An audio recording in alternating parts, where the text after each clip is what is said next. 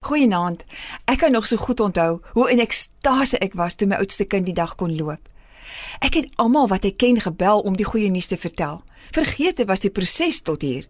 Die bewerige opstaan teen die meubels, daarna die wankelrige vashou en loop van stoel tot stoel en dan die paar tree loop van pappa na mamma en dan uiteindelik dieself probeer opstaan om te loop. En toe kom die soms half business val en die blou kolmerke, maar tog, Sissie het elke keer net weer opgestaan en weer probeer totdat sy kon loop. En is dit nie waar dat hierdie proses homself dwars deur ons lewe herhaal nie? Nou dat ons groot mense is, is dit so jammer dat ons soms tog so maklik vasval op een van hierdie stadiums van ons lewensprosesse. Ons raak moedeloos omdat ons so hard geoefen het, maar toe nie die wedloop gewen het nie. Ons voel gestroop van selfvertroue omdat ons baie hard gewerk het, maar toe nie goed genoeg was vir die bevorderingspos nie. Jy het so geglo dis jou lewensmaat, maar toe kies hy iemand anders.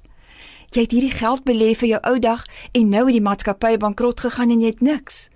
Jy soeg en sweet op die plaas of by jou maatskappy, maar dis asof daar net nooit genoeg geld is vir al jou verpligtinge nie en vanaand voel jy nee. Ek gaan die handdoek ingooi. Ek is klaar. Ek kan nie meer nie. Weet jy ek pleit by jou. Probeer weer toe.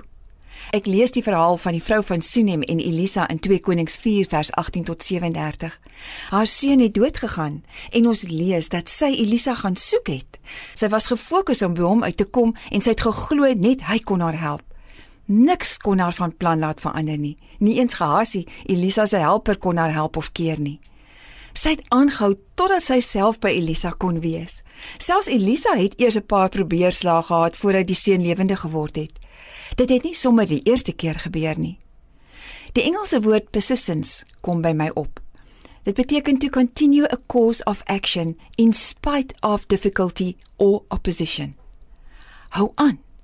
Hou aan probeer. Probeer weer. Psalm 27 vers 14 in die boodskap sê: Stel al jou hoop op die Here. Hou moed, wees sterk. Moenie die handdoek ingooi nie. Bly wag op die Here. My Vader God, Ek is moedeloos vanaand, maar dankie vir u woord wat my daaraan kom herinner om nie die handdoek in te gooi nie. Dankie dat daar by u 'n antwoord en 'n uitkoms is. Ek gaan weer probeer. En dankie dat u my die krag daarvoor gee. Amen.